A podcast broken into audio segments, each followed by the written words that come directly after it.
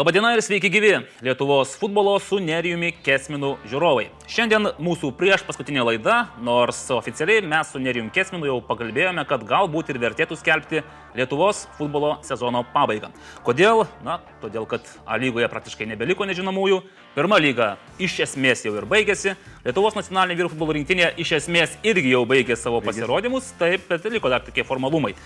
Tačiau Ne, tai ir bus prieš paskutinė laida, kurioje mes kalbėsimės apie A lygą, apie pirmą lygą, apie Lietuvos nacionalinę vyrų futbolo rinktinę ir apie dar tam tikrus e, įdomius reikalus, kuriais mūsų pamalonino šį mėnesį Lietuvos futbolo federacija ir Lietuvos futbolas apskritai. Aš esu Evaldas Vilumbauskas, o čia mano nuolatinis pašnekovas ir Lietuvos e, futbolo skaudulių operatorius Nerijus Kesminas. Gražiai pasakyti. Taip, Nerijau. Pradėkime nuo to esminio dalyko, dėl ko mes čia susirinkome. Tai pokalbį apie futbolą. Lietuvos futbolo A lyga. Baigėsi 28 turas, tai reiškia, baigėsi keturi ratai. Daugam atrodo, kad keturi ratai tai kaip ir pabaiga čempionato. Nekartą tekdavo susidurti su tokiu dalyku, kad a, viskas tikriausiai jau taip, kas čia daugiau nieko nebeliko. Sakai, o nepalaukit, dar yra penktas ratas, kuriame žaidžia šešios geriausios komandos, vyksta tekli kova dėl medalių, dėl apdovanojimų, dėl, turny, dėl vietų turnyrų lentelėje, dėl Europos m, taurių turnyrų ir panašiai. Deja, vat, šiais metais mes tos atkaklios kovos dėl... Eilė turite ir su Kauno Žalgiriu dėl bronzos žaisti. Dėl bronzos, taip, galėsim, nu, tai turime minėti, kad tik tai tarpusavę, ne kokias iš, iš, iš trijų pergalių. Nes visiems kitiems turbūt nebeįdomu dalyvauti čempionate. Ok, pradėkim tada nuo to Lietuvos e, futbolo čempionato viršutinės turnyrinės lentelės dalies - Marijampolė Suduva ir Vilnių Žalgiris. E, per praėjusią savaitę berots turėjome du kartus e, tokią teisę ir malonumą stebėti geriausių Lietuvos futbolo komandų mūšius tarpusavyje ir abu kartus Marijampolė suduva iš tų mūšių išjojo ant balto žirgo. Na, čia toks kaip boksa, kairė dešinė, nokautas, viskas. Tai yra vietoj galimų, ką mes ten turėjome, netgi žalgrio plus 2, ar ne? Tai, galėjo, buvo, buvo minus 4, 4 taškai skyrė komandos. Dabar, dabar minus 10 per 5 rungtynės, gerai ten. Manau, kad paskutinės rungtynės Marijampolėje bus tiesiog uh, Marijampolė susirinks pasveikinti Suduvos be jokios įtampos iškovojus dar vieną čempionų titulą. Bet kaip pagalvoju, pernai irgi Marijampolėje įvyko tas toksai sveikinimasis be įtampos, tačiau tada ta, vis tiek kažkokia tarsi ir atmosfera dar buvo kitokia, nes iki, prieš, iki paskutinio turo dar buvo tokia intriga, dar vyko kova dėl to medalio, o paskui jau tik tai formalumas. Žalgeris atvažiuoja, sužaidžia, įveikė Suduvą, bet Suduva vis tiek pasidžiaugia auksų medaliais. O šiandien atrodo, kad atsitai, va, lapkričio 3 dieną bus žaidžiamas 30 turo e, rungtynės. Dar tiesa, mes kol kas šiandien, dabar ir čia nežinome, kas ten ir kaip ir kada ir su kuo. Tačiau įtariu, kad lapkričio 3 dieną mes galėsim pasveikinti Sūduvą su trečioju išėlės A lygos čempionų titulu. Na, teoriškai tai yra suprantama įmanoma, gal taip 30-ąjame, tu apie 30-ąjį kalbėti. Taip. 30-ąjame taip, jeigu jie tiesiog laimė tas dviejas artimiausias rungtynės. Ir Žalgiris, jeigu dar laimė. Yra stipriai, dar, dar taip, dar ir Žalgiris turi laimėti, kad 29-ame turėjo netgi ir taip gali būti, jeigu, jeigu Suduva laimi Žalgiris, Žalgiris pralaimi, mes jau ir, ai, ne, dar, dar, ne, taip galime. Galime, galime. taip, jau net, net dabar, kai bus ta laida pasirodžiusi eteriai, galime sakyti, ką čia jie šneka, jau jie turim čempionus. Tai, neskubėkime, neužbėgime. Tai turim, mes, mes nesiginčiam. Ok. E, Neriu, pastarosios dvi rungtynės. Vilniuje Žalgiris pralaimi 1-3, e, Marijampolėje 0-1 rungtynių kokybė, žaidimo stadionai, žiūrovai atrodo, rodo, tarsi rodo, kad tas futbolas yra įdomus žmonėms, kad jis yra patrauklus, kokybiškas. Ar tai geriausias produktas, kurį pats matėjai šiais metais, ar gali būti geriau, ar mes čia tik tai galbūt šiek tiek tokių iliuzijų pasaulyje esame? Na, čia iš tikrųjų mes kalbame apie dvi geriausias Lietuvos komandas ir aišku, kad geresnio futbolo dabartinėje lygoje negu tas, kurį tarpusavėje žaidžia uh, Suduva ir Žalgiris jo tiesiog negali būti, netgi teoriškai gali, aišku, bet, bet e, faktiškai tai nelabai matau kaip. Ir e, irgi tas penktasis ratas dabar kaip penktą koją vienam gyvui.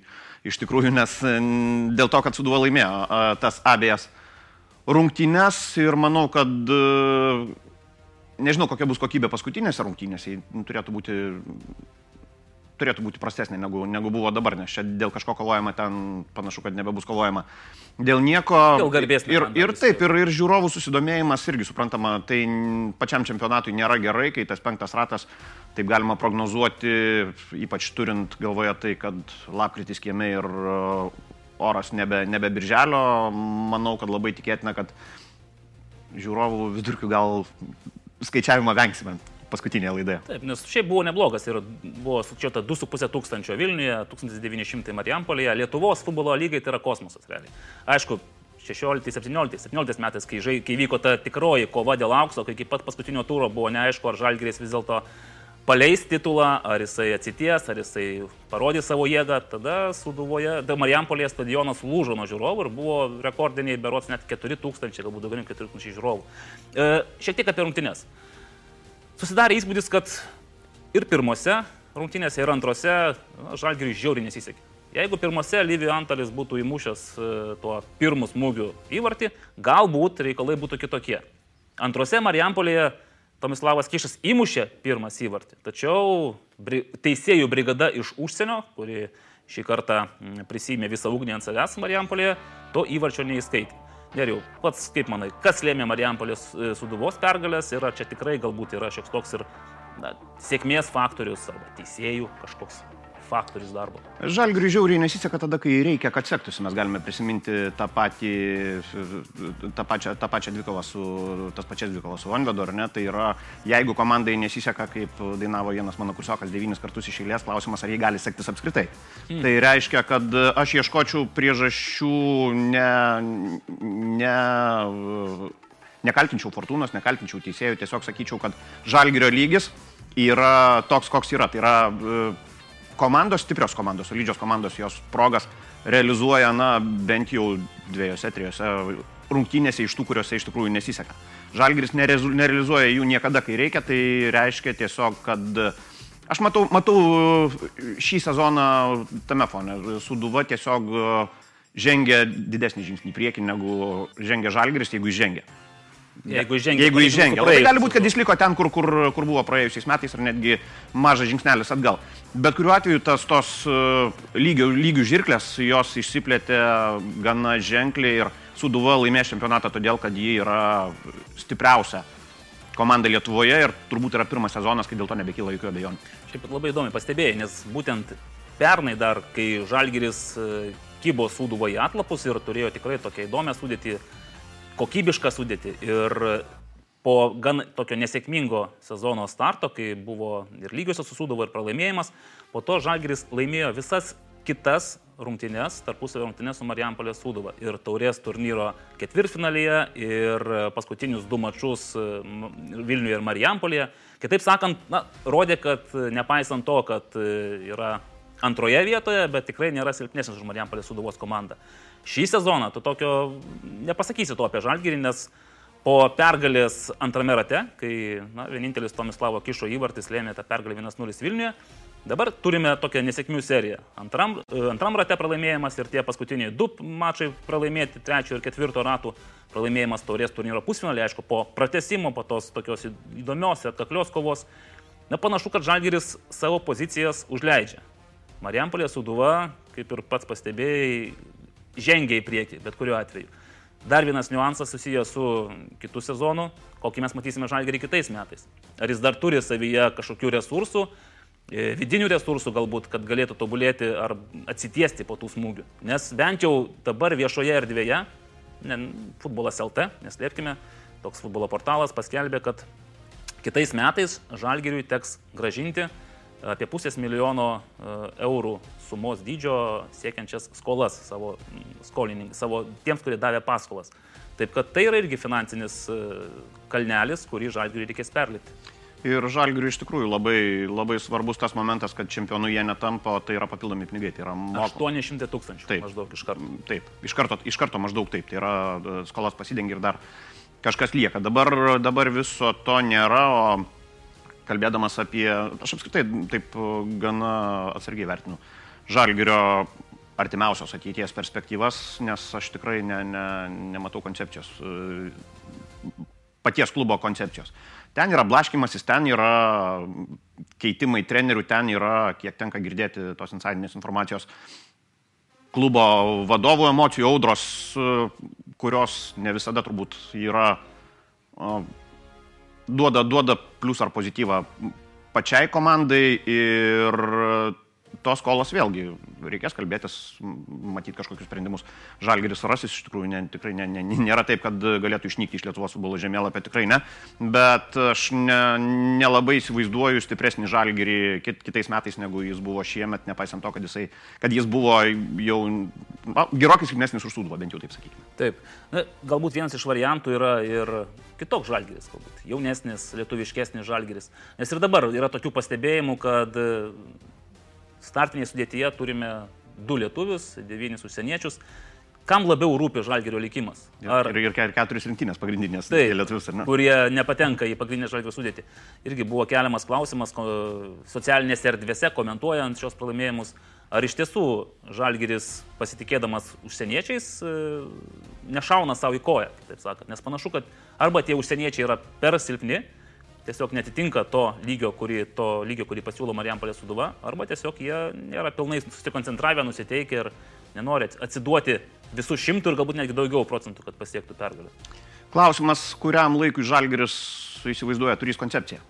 Porai metų, tai jeigu, jeigu taip, tai šis variantas nėra blogiausias, jeigu penketų ar dešimčiai lietuvinti komandai ir jauninti ją reikia jau dabar, nes, nes per metus to nepadarysi. Dešimtais programos vykdymo metais. Ar Žalgiris neturi jokios koncepcijos? Kartais man ir, ir tokia mintis kyla ir toks įspūdis susidaro. Taip, na, mums rodo dabar Donovanas Lingarda, tai yra futbolininkas, kuris Žalgirėje žaidžia nuo 2015 metų vidurio. Tai yra pastoviausias, stabiliausias ir galbūt vienas iš tų legionierių. Beveik lietuvis. Taip, kurie tampa lietuviško tokio folkloro dalimi. Ir beje, Donis įmušė šį sezoną du įvarčius, vieną iš jų į Marijampolę suduvos vartus. Su tuo galime pasveikinti. Tačiau kiti legionieriai, kurie papildė komandą šį sezoną, tai kad ir Bolha, Kordošas, Videmontas ir kiti, kurių tiesiog, na, Šiandien jie čia, šmėkštelėjo jų vardai, kitą sezoną jų nėra ir niekas net neprisimins, kad jie buvo čia nais. Tai tas, tas pats kišas gali būti su daugiau nei 20 įvarčių, galime prisiminti beveik analogišką pavyzdį Andrija Kuludžerovičius. Tai yra tie, kurie, tie futbolininkai, kurie atvyksta ir jie yra gana ryškus vieną sezoną, tai tikrai nebūtinai reiškia, kad Vilniuje jie, jie liks kitais metais. Taip, na, Marijampolė Suduva. Šiaip irgi turi tokį stiprų ir gausų legionierių legioną. Ir įdomu tai, kad jų naujokai, kurie papildo komandą sezono eigoje, jie kažkaip vis tiek randa būdų prisidėti prie pergalių. Tai štai dabar paskutinis to pergalingo įvarčio autorius e, Domagojas Pušičius. Na, kas girdėjo apie jį iki to įvarčio? Na, realiai tikriausiai tik tai Marijampolės suduvos atstovas spaudai ir tie visi žmonės, kurie domėsi. Mama tėtis. Taip. Dabar, prašau, galbūt auksinio įvarčio autorius, žmogus atėjęs prieš mėnesį, žaidęs kelias rungtynės, dominuoja praktiškai aikštėje, rodo aukštą klasę, muša įvartį, puikus pirkinys. Gera selekcija ir vėlgi Suduva sugeba išlaikyti tuos savo legionierius, nemažą dalį tų, kurie pritampa ne vieną sezoną. Tai irgi yra labai svarbu, nes e, taip yra lipdomas komandos brandoly, brandolys ir, ir e, jiems lipdosi labai neblogai iš tikrųjų. Vėlgi mes galime grįžti prie jų šio sezono. Jie, jie iškovojo taurę, aišku, laimės čempionatą. Jie dar super taurę. Ir, taip, iškovojo viską, ką įmanoma iškovoti. Vienas dalykas, antras dalykas Europoje irgi turbūt buvo geriausias jų sezonas. Ir mm, šiame kontekste jie, jie vis dar eina į priekį. Tai yra irgi, irgi komplimentai už tai klubo vadybai, klubo selekcininkams pirmiausia jiems turbūt. Treneriui, aišku. Treneriui, taip. Ir be abejo, visada lieka klausimas, kiek dar toli jie gali nueiti su šitu treneriu Vladimiru Čiabūrinu, su Algiu Jankausku, Semiru Kerla, Andro Švaljuga. Tai yra tie, mano manimu, kertiniai žmonės dabartinėje Suduvos komandos hierarchijoje, ant kurių realiai ir laikosi tas visas geras mikroklimatas, pergalės, nusiteikimas, dvasia. Aš manau, jeigu bet kuris iš jų, o jeigu galbūt net ir du iš trijų iškristų iš reikiuotės, Suduva būtų visai kitokia komanda. Turbūt vienas dalykas, antras dalykas, tai kas e, bręsta, tai kas ateina Suduvai nėra gerai. Apie tai esame kalbėję, kad silpnėjantys žalgeris, jis turbūt silpnės. Nėra gerai Suduvai, kitos komandos, Kauno žalgeris, tarkime, kitą sezoną dar nebus ta atsvara nebus e, rimtas solidus konkurentas komandoms kovojančioms dėl e, čempionato aukso, bent, bent jau man tai atrodo dabar. Kągi, Auksą mes jau atidavėm suduvai, manau, niekas dėl to nesupyksta. Sidabras Negaila. jau senokai e, kabo pas žalgyriečius, berots nuo 2017 metų, tai sidabro medalių kolekcija kaupėsi. Šį sezoną suduva susirinks tris trofėjus, visus pagrindinius. Žalgyris lieka be trofėjų ir taip pirmą kartą. Pirmą kartą per pastaruosius berots septynerius metus, nuo 2012 metų, kai buvo iškovota LF taurė, Žalgeris lieka tuščias ir be trofėjų, nes bent jau 17 metais e, buvo Super taurė, 18 buvo LF taurė, šiais metais dėja Aruodas tuščias. A lygoje yra ne tik tai Žalgeris ir ne tik tai Suduva, nors ir kaip mums e, kartais norisi užsimiršti, yra taip pat dar daugiau komandų ir yra taip pat e, bronzinė intriga.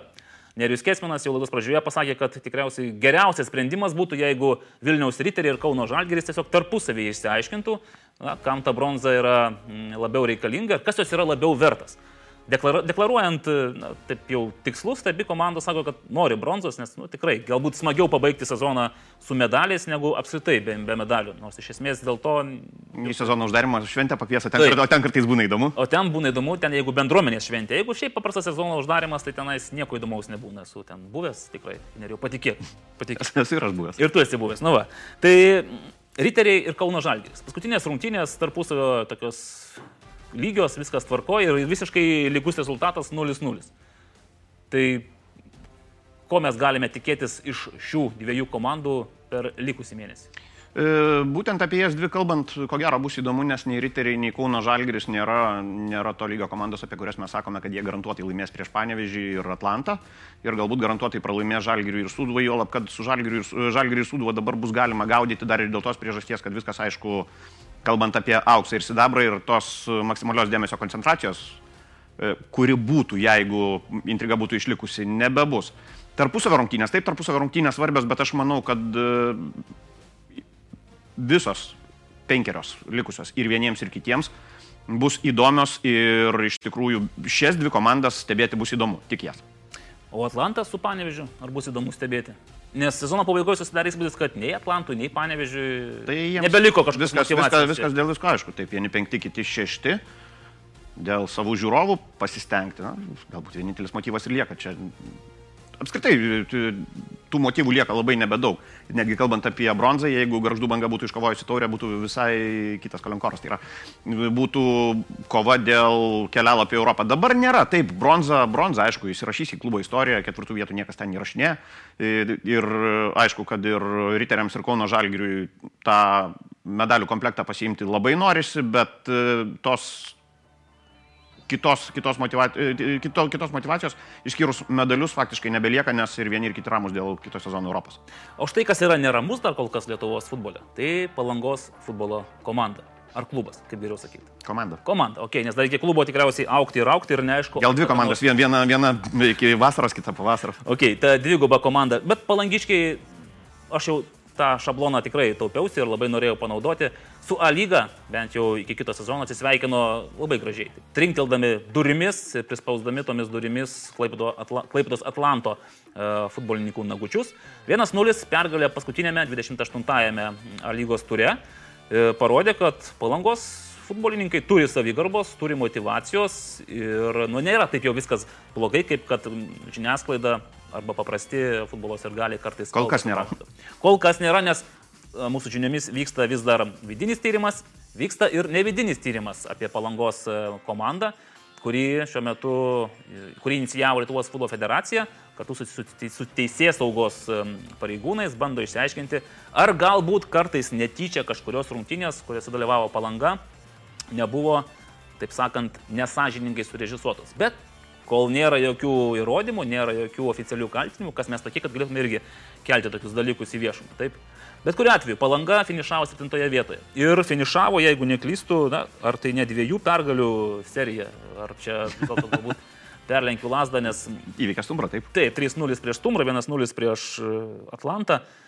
Į sezono pabaigą įsibėgėjo garvežys. Dvi sausas rungtynės. Ėjo sausos rungtynės. Gerai, neriu. Jokai, jokais, e, palangos laukia dvi svarbios rungtynės. Nu, Man atrodo, vis tiek svarbios, nes e, jeigu tu laimi pereinamasias rungtynės su pirmos lygos antra komanda, tu turi visas teisės reikalauti, kad kitoje, ir kitą sezoną žaistum A lygoje. Jeigu pralaimi, tada net ir kaip ir teorinio pagrindo nėra tam, kad sakytum, Hebra, mes čia esame rimtas klubas ir norime ir kitais metais rimtai žaisti A lygoje. Palanga garždu banga. Aš manau, kad bangos pergalė Lietuvos futbolui apskritai būtų naudingesnis reiškinys, nes e, dabartinė banga yra klubas prognozuojamas, bet vėlgi mes galbūt e, galime kapstyti naują samokslo teoriją, ar, garždai, ar garždams reikia tos alygos. Lietuvai gal geriau ir, būtų, ir, taip, o, o, o, garždams klausimas, taip.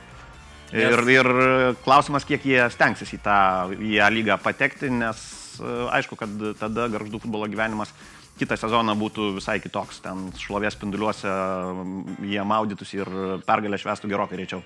Taip, na, apie tai mes irgi jau šnekėjomės prae, e, prieš tai, praėjusioje laidoje, apie galimai galimus pokyčius A lygos 2020 metų A lygos čempionato formate, nes e, sklinda žinios, kad yra pirmoje lygoje grupė komandų, kurios norėtų ateiti į A lygą, bet ne po vieną, gink dievę, o visi kartu. Keturi, keturi, penki klubai, keturios, penkios komandos. Tuo metu A lygoje Kiek žinau, yra toks įsitikinimas, kad aštuonios komandos yra geriausias formatas ir nieko čia keisti nereikia. Na, neriau, mes apie tai jau šnekėjome. Bet 12, 10 ar 8 vis dėlto, na, kuris paties manimo būtų realistiškiausias ir geriausias sprendimas Lietuvai? Jeigu mes turėtume tas aštuonias komandas, tai tada sutiku su tuo, kad aštuonios būtų geriau pačiai lygai, nes ir kažkoks, kažkoks, kažkokia žaidimo kokybė atitinkama, išlaikoma ir, ir stipriausiams klubams geriau, bet mes tų aštuonių klubų, kad ir kaip norėtume įtikinti save, kad jog yra kitaip, ne, mes jų neturime. Tai yra, e, Turim septynis dabar. Ir, ir, ir, ir reikia amortizuoti situaciją. Tas amortizavimas yra įmanomas pritraukiant daugiau komandų iš pirmos lygos ir aišku, kad po vieną jie nenorės eiti, nes dėl, dėl jau minėtų priežasčių, tai yra ateisi, sužaisi vieną sezoną, turbūt iškrisi atgal į pirmą lygą. Arba septintą, aštuntą kažkas Taip, tokio taip, tuomet. kam, kam tau to reikia. O jeigu daugiau jų, na, tokiu atveju ten 10 ar 12, tai tu turi galimybę išlikti, bent jau išlikti lygoje ir, ir pažaisti tų rungtynių, kurias realiai gali laimėti. Bet ar Lietuvos futbolo lygiui kokybė tai būtų geriau? Jeigu, pavyzdžiui, matytume daugiau palangos Atlanto, palangos bangos lygio rungtynių. Jos atkaklios, pakankamai kietos, kovingos, tačiau kaip kažkokio tokio techninio lygmens, kuris sakytum, wow, čia, o čia tai sužaidė vyrai. Nu, to tikriausiai nebus. Man, man, man kai sako, kad e, gal geriau mažiau komandų, kad nereiktų žaisti ten su silpnais garždais arba kėdainiais, Mari, Marijampolė, Marijampolė ar, ar Suduvė arba, arba Žalgiriui, aš, aš sakau kitaip, geriau jau turėti galimybę sužaisti su silpnais garždais, negu turėti galimybę nežaisti su stumbru, kurio nėra. Logiška, stiprus argumentas. Kągi, pažiūrėkime į pirmą lygą. Spalio 27 dieną pirmos lygos e, čempionate buvo sužaistos paskutinės 30-ojo turo rungtynės. Įdomu tai, kad nors turas buvo 30, bet komandos visos sužaidė po 28 mačius. Na, tai nutiko dėl jums visiems puikiai suprantamų priežasčių, nes Kaunas Tumras e, birželį pasakė adijų, ar kaip čia nais portugališkai skamba, pamojo rankelę ir atsisveikino. padėjo šaukštą. Taip, padėjo šaukštą. Jeigu A lygoje dėl to šaukšto, tai niekas kaip ir nepasikeitė, tiesiog Stumbras ir toliau žaidė, bet tik tai protokole, rinkdamasis sausus pralaimėjimus. Tai pirmoje lygoje Stumbro dubleriai mm, atsisveikino nesužaidė 50 procentų rungtynių ir ta proga visi rezultatai buvo nubraukti, o jie patys dingo iš turnyrinės lentelės apskritai. Taigi situacija yra tokia po paskutinio turo. Telšių džiugas. Pirma vieta, tai reiškia tiesioginis kelialapis į A lygą. Nori telšiškė to ar nenori, tačiau Teks. teks jo, nebent ras kažkokių labai rimtų argumentų, štai pavyzdžiui, Kazlų Rudo Šilas, prisimenu, e, 2017 metais rado labai rimtų argumentų nepatekti į A lygą. Tiesa, ne savo norų, bet e, yra precedentas. Nelinkėčiau to telšiams. yra, yra būdų. Yra būdų, bet mes tikrai to nelinkime telšiams išbandyti. Antra vieta - Garždų banga. Jau irgi taip pat minėjome, garždiškiai pernai buvo treti, šiais metais antri, dar, dar prieš tai e, buvo irgi antri, taip sakant, jie yra pripratę toje pozicijoje būti ir jiems ten visai gerai būnasi. Treti yra Vilniaus Vytis ir tai yra komanda, kuri per ketverius paskutinius metus trečią kartą iškovoja bronzos medalius. E, Vilniaus Vytis turi legendinį trenerį Algimantą Liubinską, čia jau sakau be, jokių, e, be jokio sarkazmo, nes manau, kad Algimantas Liubinskas A lygai būtų tikrai puikus toksai mm, e, prieskonis, net nežinau, pipiras. Ar, Visomis prasmėmis. Visomis taip, jisai tikrai paįvairintų A lygos komunika, komunikaciją, tačiau ar Vilniaus Vytis prisidėtų kokybiškai prie lygos e, augimo, na, dėl to nesu toks tikras. Ir ketvirta vieta - Alitaus Dainava. Alitišiai galėjo būti prieš paskutinį turą ir antri, galėjo būti treti, gavosi, kad yra ketvirti. Pernai jie buvo vicečempionai, žaidė su palanga per einamasias rungtynes ir taip be tokio rimtesnio, sakykime, pasipriešinimo pralaimėjo palangai. Ką čia žinai, galbūt nelabai ir norėjo tą A lygą, o dabar ir nebus tokių galimybių. Penkta vieta yra Kedainių nevėžis, Nerijus taip pat paminėjo, tai miestas turintis ir stadioną, turintis ir gan kokybišką komandą, ir trenerį Vitalijus Tankievičių. Regis, tas pirmas penketukas, na, jie turi iš esmės daugmaž viską, ko reikia, išskyrus Vilnius Vytį, kuris neturi nei stadiono, nei infrastruktūros. Trenerį turi. Bet turi labai gerą trenerį, labai įdomų trenerį, savitą trenerį. Ir turi jaunų žaidėjų. Parodė, kad šiais metais turi ir neblogų skautų, nes susirinko vasarą būrį gerų legionierių, pasikvietė iš Stumbro, sudarėjusio Stumbro Arna Barodinas Oroko Rasimavičium. Ir tie nauji žaidėjai padėjo Vilnius Vyčiui iš 12 pozicijos per 14 rungtinių šokti trečią. Nu, tai reiškia, kai norim, galim. Tačiau telšiai garždai, alitus, kėdainiai. Tarsi nėra jokių priežasčių, kad šie miestai nebūtų Lietuvos futbolo A lygos žemėlapį. Man reikia tik tai trūksta vieno dalyko - pinigų. Mm, tai irgi teisybė, bet e, vėlgi, jeigu mes, mes kalbame apie tai, kad bus keičiamas lygos formatas į 12 komandų, tai suprantama, kad ir ir licen, licencijavimo reikalavimai, ko gero, jie nori, nenori. Jie niekada nesikeičia, jie yra kaip akmeniai. Jų, jų, jų nėra, iš tikrųjų. Ką nori priima, ko nenori nepriima. Ten e, Žodžiu, licencijavimas šiaip yra iškaltas akmenyje, bet paskui vykdomasis komitetas gali tą akmenį arba pastumti šoną, arba apsupti veidų sieną. Taip, sakys, čia mes to akmens nematom, čia jo nėra. E, Neriau, jeigu aš tau išvardinsiu po kelis e, kertinius šių komandų žaidėjus, pavyzdžiui, Telčių džiugas, Andrius Lipskis, Davidas Arlauskis, Skirmantas Rakauskas, Marius Valera Papšys. Sako kažką. Tai yra komanda. Tai, tai, yra, tai yra žaidėjai turintys sąlygos patirties ir pakankamai nemažai. Ir, ir tai nebuvo tie futbolininkai, kurie sėdėjo ant suolo dažniausiai. Jie, jie būdami A lygoje, jie žaidė tose komandose, kuriuose rungtyniavo Papšio atveju, tarkim, jis daugumoje jų buvo lyderis. Na tik Papšys sužaidė šešias rungtynės ir matyt po to jam atsibodo pirmoje lygoje žaisti, o galbūt sveikata neleido. E, Gaždų banga, Karolis Urbaitis, Gediminas Kruša, Davidas Norvilas, Kazimieras Gnedojus, Valdas Pocevičius, Tadas Norbatas. Štai tos pavardės, kurios žinomos ir lygos futbolo mėgėjams ir galbūt nesitiknai garždai žaidė LF turės finale, nes vis dėlto turint tokį patyrusių žaidėjų būrį, tu gali tose vieneriose rungtynėse susitelkti, pateikti staigmenėlę, įveikti Kauno Žalgirį, įveikti Palangą Bet ar tų žaidėjų pastangų, kurių dauguma šiaip jau perkopė 30 metį, ar jų užtektų visam lygos sezonui, norint ten garbingai kovoti dėl 7, 6 ar 8 vietų, man tai dėl to kyla didelių klausimų. E, taip, bet e, kai kurie, kai kurie klubai, tarkime, Banga ar Dainava, ar ne, tradiciškai yra futbolo miestai, tai yra ten irgi yra visos, visos galimybės bandyti leisti atsiskleisti, pritraukti savus jaunus žaidėjus ir aš manau, kad tai taip pat būtų daroma, o patirties ir jaunystės lydinys e, niekada nėra, nėra blogai. Ok, na dar norėjau pasakyti apie Vilniaus Vytį, Mantas Makutunovičius, Evgenijai Moros, tai irgi pavardės, kurios e, žinomos, na, bet jau galbūt labiau tokiems ištikimiausiams lygos gerbėjams. Alitaus Dainava irgi turi kelias pavardės, Kedainių nevėžys, tai Evaldas Kugys, Aretas Gėgžna, Ernestas Miskevičius. Ką aš noriu pasakyti tomis pavardėmis, kad e, iš esmės visų tų komandų lyderiai yra kažkada A lygoje žaidę futbolininkai ir galbūt ne pačius paskutinius vaidmenys juose vaidinę to, to, savo A lygos karjeroje. Tačiau pastaraisiais sezonais jie žaidžia pirmoje lygoje ir vargu ar, ne, vargu ar jie žaidžia pirmoje lygoje dėl to, kad e, atmeta vertingus pasiūlymus iš lygos. Matyt, paprasčiausiai na, jie pasirenka tai, kas jiems geriausia, pasirenka 500 eurų per mėnesį atlyginimą pirmoje lygoje arba tiesiog negauna kitų variantų aukščiausioje lygoje. Ir taip, kitas dalykas, e, kai kurie jų tikėtina, kad turi papildomus užsiemimus. Treniruoja tai, tai, tai yra, taip, treniruoja vaikus, tai yra, galbūt nedalyvauja ne visose e, komandų treniruotėse. A lygos standartas būtų jau kitas. Aš nelabai įsivaizduoju, kad įmanoma būtų išlikti konkurencingu pagal e, tokius darbo principus.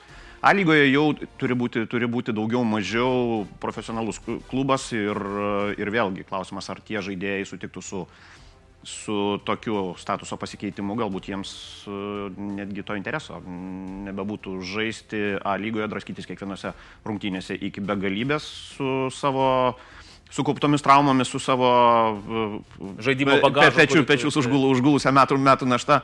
Tai yra tos sudėtis, ko gero, jos keistųsi. Neri, o kas pasikeistų, jeigu mes sakytume, kad, okei, okay, A lyga nėra profesionali, tai yra semi-pro, pusiau profesionali. Šiaip San Marinas turi 15 komandų lygoje. Savo lygoje, taip. Na taip, čia nieko, čia nieko gero ne, ne, nesako, bet iš principo, sakai, štai yra profesionalus. Jeigu tu žaidži A lygoje, turi būti profesionalas. O kodėl? Galbūt tu gali tiesiog žaisti A lygoje semi-pro. Su, su 12 komandų, ko gero, gal ir netgi nebūtų tų, tų galimybių sukurti tokią situaciją dėl tos pačios priežasties, kurią tu jau minėjai, pinigų stygius. Taip. Na kągi, mes tai pamatysime e, jau kitais metais, kaip čia dėliosis visą tą kortų kaladį. Dabar be abejo labiausiai visiems rūpintis klausimas yra, kaip palanga ir garždų banga mm, kovos dėl teisės kitais metais žaisti A lygoje. Tos dvi rungtynės įvyks lapkričio 3 ir lapkričio 9 dienomis ir apie jų baigti mes jau kalbėsimės kitoje laidoje.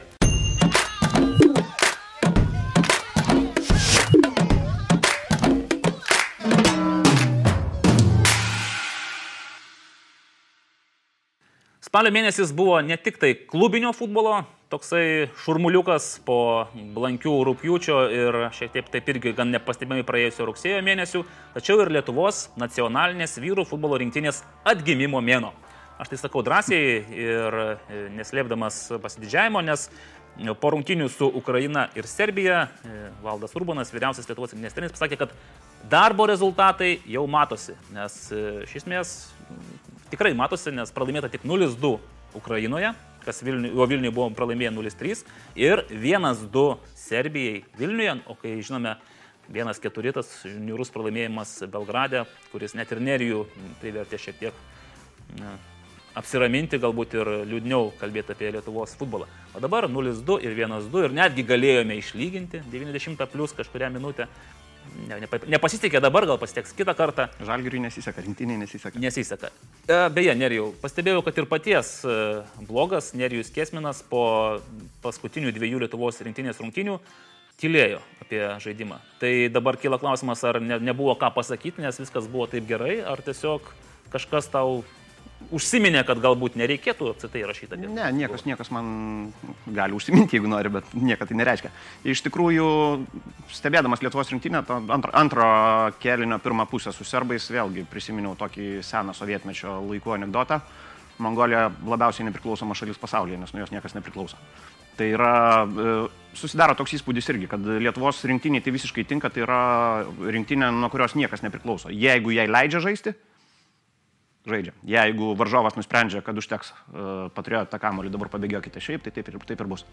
Man patiko rungtynėse su Ukraina, toks irgi dvigubas, uh, du skirtingi keliniai. Pirmam keliniai matėme, kai ukrainiečiai tą... Nes aš sakau, kai sako, mes negalime sužaisti dviejų kelinių, kamon, niekas jums neleidžia sužaisti dviejų kelinių, jeigu leistų sužaisti, jūs gal, gal ir sužaistumėt. Tai va, antram keliniai pasirodo, kad galime žaisti ir, ir buvo to žaidimo elementų, ne tik tai atsimušinėjimas, ne tik tai du perdavimai prarastas kamuolys, bet visada tokia irgi pasąmoniai glūdi mintis, kad ukrainiečių dar laukia mačas berots su Portugalija, taip ten šitą lemiantis.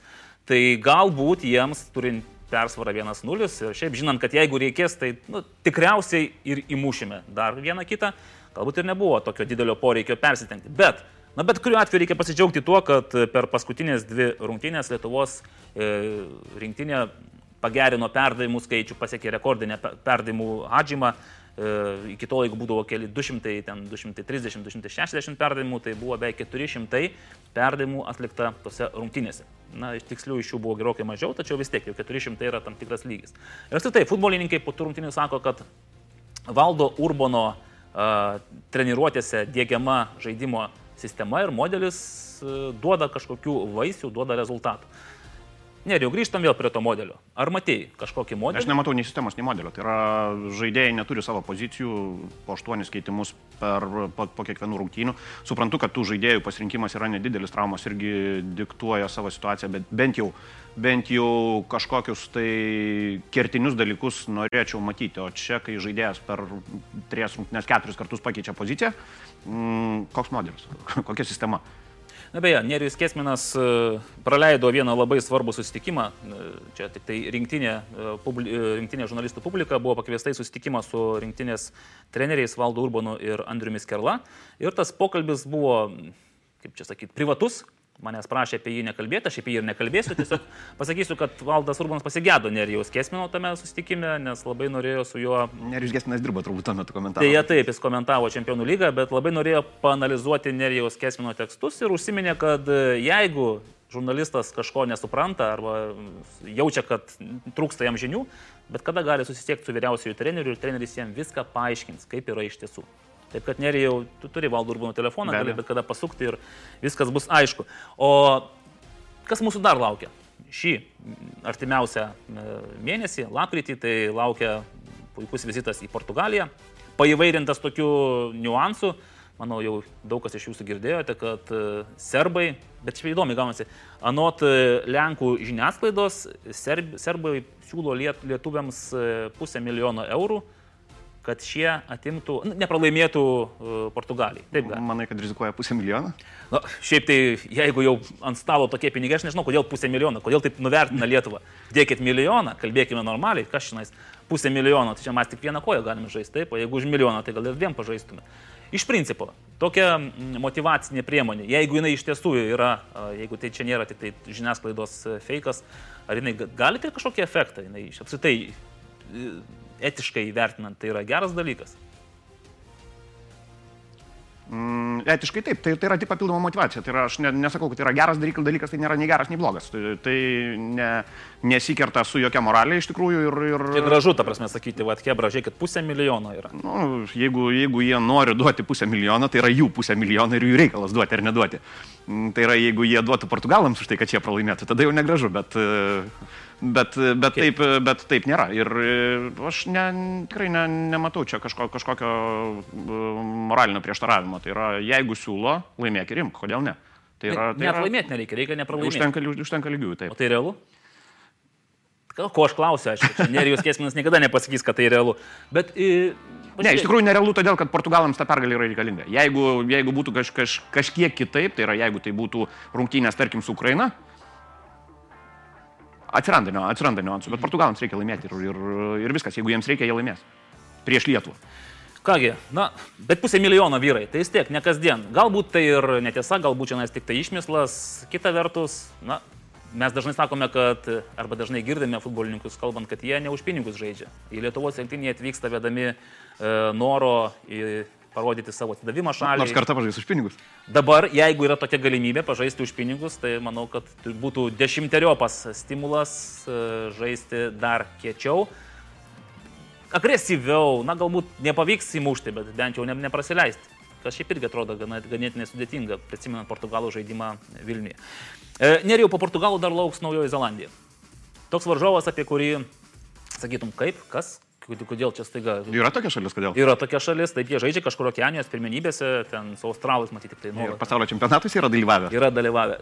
Šiaip lapkričio 17 diena Vilnius LFF stadionas, Lietuva, Naujoji Zelandija. Tai mm, aš taip įsivaizduoju, kad na, tai bus paskutinė galimybė pamatyti pirmųjų valdo Urbano darbo metų rinktinėje vaisius. Ir kokius tu tos vaisius tikiesi pamatyti? Ar norėtum pamatyti? Vaisių nebus. Vaisių bet kuriuo atveju jau dabar galima sakyti nebus, nes lygiosios namie su Luksemburgu per e, viską, kas sužaista, yra ne vaisius. Yra na, smagu, kad nepralaimėjome, bet, bet tik tiek.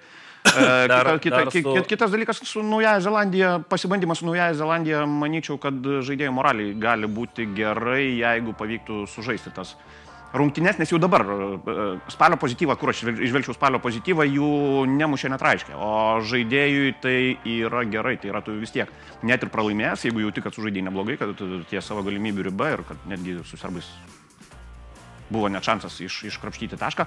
Tai yra, e, bet kuriuo atveju tavo, tavo pasitikėjimas savimi tai didina, aš manyčiau. Ir Naujojo Zelandija yra tas varžovas, prieš kurį reikėtų laimėti, dar ir dėl to, kad, kad ne, vis tiek Bagdonas rašys, kad jau 3,5 metų nelaimi rinktinę. Aš galiu priminti, štai mes esame laimėję draugiškas rungtynės su Armenija 2018 m. kovo 27 d. o oficialias rungtynės su Malta 2016 m. spalio 11. Taip kad senokai, senokai kaip aš pastebėjau, galbūt jau auga tokia nauja jaunų ir perspektyvių futbolininkų karta, kurie net neatsimena, nematė ir nu, tikrai neturėjo galimybės matyti e, tų pergalingų rungtynių. Turiu minį kokių dabar 4, 5, 6 metų jaunieji futbolininkai, kuriems pasakius, kad lietuviai laimėjo, sakys, kada. Neatsimenu, nemačiau. Ne, nėra, nėra, nėra ta buvę. Taip.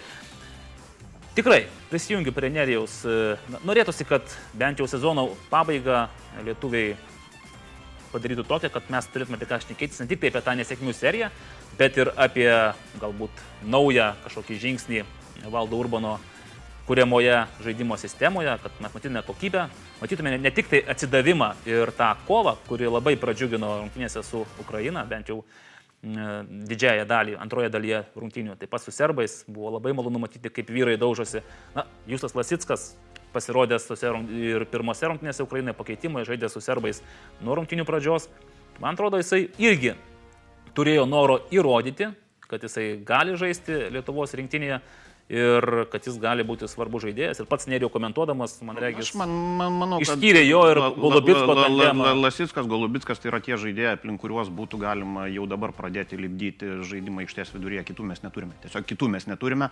Ir manau, kad jie, Golubitsko atveju jis žaidžia nemažai, bet Justas Lasitskas, tarkim, mano akimis galėtų žaisti ir daugiau Lietuvos rinktinėje. Galbūt taip ir bus dabar, kas ten žino. Labai norėtųsi, kad būtent mes pamatytume tą aišku modelį, tą aišką komandos viziją, taip, kad vienose rungtynėse turime aštuonis tokius žaidėjus, kitose rungtynėse jau tų aštuonių nebeturim, staiga metami kiti ir treneris sako, kad čia viskas normalu, viskas gerai, supraskite, kad jūs tikriausiai čia kažko nesuprantat arba kažko nežinote. O sužinotumėte, jeigu paskambintumėte treneriui jo asmeniniu telefonu, jis jums viską paaiškintų, bet nespaudai. Taigi, lapkritis išvyka į Portugaliją ir susitikimas su Naujaja Zelandija, manau, kad gana atšiauriomis Ponas kas čia žino, dabartiniais orais, bet vis tiek, lapkričio vidurys bus paženklintas e, Lietuvos rinktinės futbolu, o lapkričio pabaiga bus paženklinta Lietuvos futbolo A lygos klubų rungtynėmis. Tiek mes pakalbėjome šiandien apie esminius e, spalio ir lapkričio mėnesio įvykius. E, pabaigai tiesiog norėtųsi galbūt greitosiamis perbėgti per netokius esminius dalykus. Nerijau, kadangi šiaip esi žmogus, kurį visi vadina vaikščiojančią futbolo enciklopediją, tai tau tikriausiai nebus sunku pasakyti. Jaučiu, kad klasta bus. Gerai jauti. Uh, Gintra universitetas, Šiaulėtis. Jos e, visai neseniai laimėjo eilinį Lietuvos moterų futbolo čempionatą. Ir dabar nežiūrėdamas į monitorių pasakyk, kurį iš eilės. 15.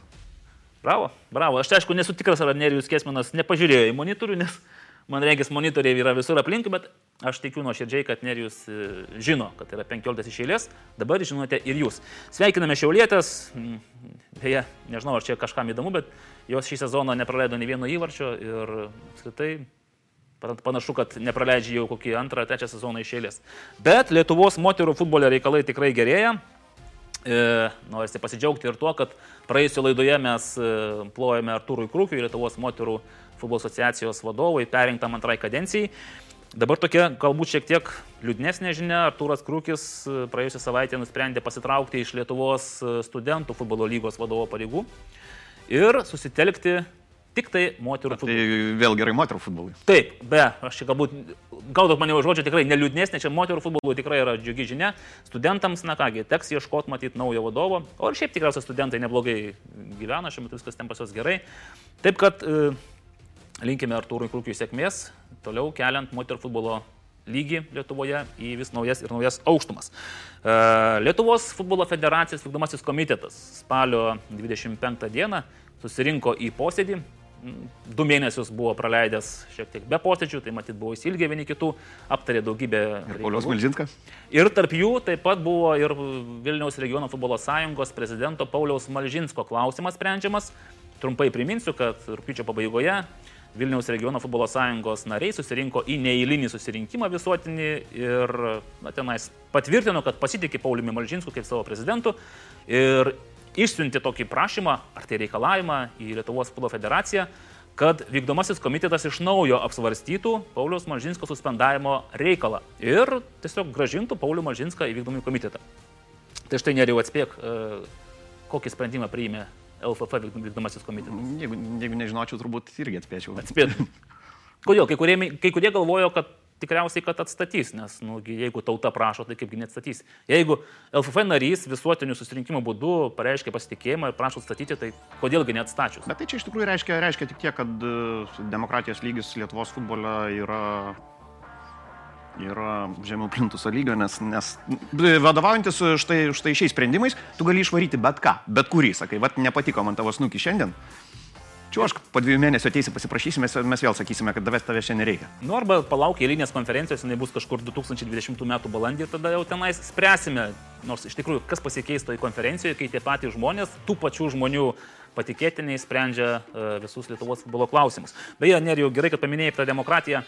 Yra toks nusipelnęs futbolo veikėjas, čia be jokio sarkazmo, Romas Pikčilinkis, jis yra Kauno apskrities futbolo federacijos vadovas, Kauno apskritis e, administruoja ir vykdo Lietuvos e, antros lygos pietų zonos varžybas. Ir ten tokia labai susidarė įdomi situacija, šiaip daug kur, arba beveik visur čempionatai baigėsi, čia antroji lygoje vakarų zonai baigėsi, jau trečioji lygoje SFL baigėsi ir visur kitur baigėsi, išskyrus A lygą, pirmoji lygoje baigėsi. O štai pietų zonoje antros lygos kai kurios komandos jau baigė sezoną, o kai kurioms dar liko po devynerias rungtynės sužaisti. Nu, taip maždaug Tarkime, viena komanda yra dabar viršūnėje, baigė sezoną, o kita komanda pagal taškus dar galėtų ją pasivyti, jeigu laimės likusias aštuonerias rungtynės, jei per artimiausią mėnesį kitą. Ir Romas Pikšilingis, e, vėl to paties futbolas LT portalo e, eterėje pareiškė, kad užteks čia žaisti demokratiją, sakė. Vat, patikėjome klubais, pagalvojame, kad padėsime jiems atidėdami vieną kitą mačą. Ir štai kokia gavosi situacija. Tai man tas žodis užteks čia žaisti demokratiją, manau, tinka visam Lietuvos futbolo federacijos vykdomajam komitetui. Nes jie šiek tiek tą demokratiją pažaidžia, taip parodo, paimituoja, o paskui vis tiek padaro taip, kaip reikia grupeliai valdančiųjų. Mm, nieko naujo iš tikrųjų, 30 metų taip, kodėl turėtų staiga pasikeisti. Ne, Lietuvos futbolo bendruomenė sako visą už VK, man aišku, būtų smagu sužinoti vardais pavardėm tą futbolo bendruomenę, nes tai nėra labai sunku. Tačiau tai yra ateities projektai. Kągi ir pačiai pabaigai visam E, Lietuvos futbolui ir visai jo bendruomeniai pozityvo gūsis.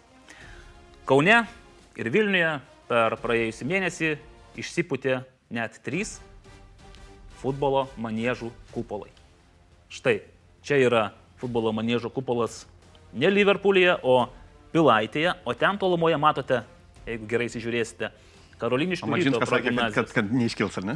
Malžinskas jisai kaip tik norėjo paspartinti procesą ir baksnuoja pirštų, sakė, kodėl ta aikštė dar nepatiesta, prašau, paveikė, žmogus iš, buvo išspriektas iš vykdomio komiteto, tačiau štai turim kokį nuostabų manežą ir kupolus. Ir kaip čia, kaip kažkada sakė Lietuvos meras, aš sėdėsiu, bet stadionas stovės, ar ne? Tai, o jisai stovi, o jisai sėdi. ne, jau nebėra. Ne, jau nebėra. Taip, ir taip pat yra manežas pripūstas ir Kaune, taip kad nerijau iki šiol mes e, turėjome tik tai du manežus ir tai stacionarius, berots Marijampolėje ir Vilniuje. Ja, Dabar per vieną mėnesį mes turime jau penkis manežus ir visose juose yra e, to standartinio dydžio futbolo aikštės, dirbtinė danga, ten kai kur netgi bus ir tribūnos viduje, bus galima e, žiūrėti rungtynės, galbūt netgi atitiks pirmos lygos standartus, o jeigu labai pasistengsim, gal net ir A lygos, jeigu ten šį beitą pa, pa standart, pa, pakeisim truputėlį. Taip, kad pozityvo tikrai daug. O nuo, nuo pozityvo net ir aš neišsisuksiu. Va, o Vilniaus miestų dar pozityvo, kad būtų dar daugiau. Per e, pastarąjį mėnesį taip pat e, prasidėjo tiesiog gigantiški darbai gerinant futbolo infrastruktūrą ir Vilniaus mero padėjėjas Valdas Benkunskas praėjusią savaitę deklaravo, kad štai šiais metais net prie trijų ugdymo įstaigų bus įrengti nauji futbolo stadionai. Aš negirdžiu plojimų. No. Kažkaip Okay, net mūsų auditorija, jeigu pastebėsite, aš tikiuosi, jūs pastebėjote. Man, man, dėmesį, man, kad... man aš, įtarimą gali kelti, nebent, nebent uh, bus įrengti. Va, tas, uh, aš daug kartų girdėjau, bus pastatytas stadionas Vilniuje, bet... Uh, štai matome, štai pavyzdžiui, čia prie Ažolino. Ažolino bet ne, čia, čia, aišku, čia aišku juokauju, jeigu taip sako, tikėkime, kad taip ir bus. Tikėkime, darbai vyksta, uh, ta dirbtinė danga anksčiau ir vėliau nusileis ant tų futbolo mokyklų stadionų. Be abejo, jie nebus tinkami didžiajam futbolui, nes jų išmatavimai yra dar sovietmečio palikimas 40 70. Bet, kaip sako Vilniaus valdantieji, bent jau vaikams bus kur žaisti futbolą. Tuo noris ir pasidžiaugti, taip? Pasidžiaugime. Pasidžiaugime. Ir pabaigai jau visiškai, kad būtų dar, dar, dar, dar džiugiau.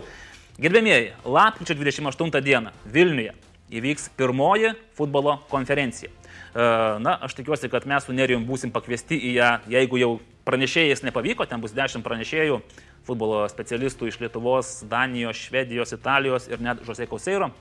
Tai bent jau kaip garbingi svečiai turėtume tikrai sulaukti pakvietimo. Taip, aš nu, dėl to tai neturiu net abejonių. Pirmoji futbolo konferencija rengia Stats for Sports e, ir futbolo treneriai. Ir joje, kaip man sakė, bus e, naudingų žinių ne tik tai e, profesionalams, bet ir mėgėjams apie klubo valdymą, apie tarptautinių ryšių mesgymą, apie jaunų futbolininkų rengimą, integravimą į suaugusiųjų sportą ir panašiai ir taip toliau. Taip kad visi dar turite šansą per likusį mėnesį pasidomėti, susidomėti, pirkti bilietus ir tapti pirmojo tokio Lietuvoje futbolo įvykio dalimi. Nerijau. Gal kažką pozityvaus? Tai čia tik pozityvaus. Tik pozityvaus. Kągi, Nerijus Kesmanas šiandien, taip sakant, objektyviai pozityvus, nebūdinga e, jam. Mane, bet, mane privertė. Bet manau, kad e, visiems Lietuvos futbolo mėgėjams tai yra gera žinia. Aš tikiuosi, kad Nerius Kesminas vis dėlto ras savyje jėgų ir parašys kažką gero ir savo blogį apie Lietuvos nacionalinę vyrų futbolo rinktinę. Po, po, po, po konferencijos. Po konferencijos, okei. Okay. Arba apie LFFVK sprendimus taip pat, tik tai pozityvaus. Tiek šiandien dešimtoje Lietuvos futbolas su Nerijum Kesminu laidoje. Dar norėčiau priminti, kad mes turime tokią gražią tradiciją pasiūlyti jums, gerbiami žiūrovai, sudalyvauti kokią nors konkursą, pavyzdžiui, ir pakovoti dėl Humelio prizų. Ir šiandien tas konkursas galėtų būti, pavyzdžiui, Nerijaus Kesmano nauja šukosina, kodėl, kaip ir, ir kiek kainavo, tačiau, tačiau aš nelaužysiu tradicijų ir sakysiu, kad paspėliokime Lietuvos ir Portugalijos rungtinių rezultatą. Portugalija Lietuva, lapkričio 14, išvykoje, Nerijau, viskas dabar ant tavo pečių, šauk. 4-1 tegul būna. Į kurią pusę? Oi. Čia gerai, bandžiau pajokauti, bet nepavyko. Vienas keturi, sako Nerius Kesminas, Lietuva, Portugalija. O ką sakote jūs, mes jau pažiūrėsime po šios laidos komentarais YouTube platformoje. Tai ačiū Jums visiems ir iki susitikimo kitoje laidoje po mėnesio. Iki.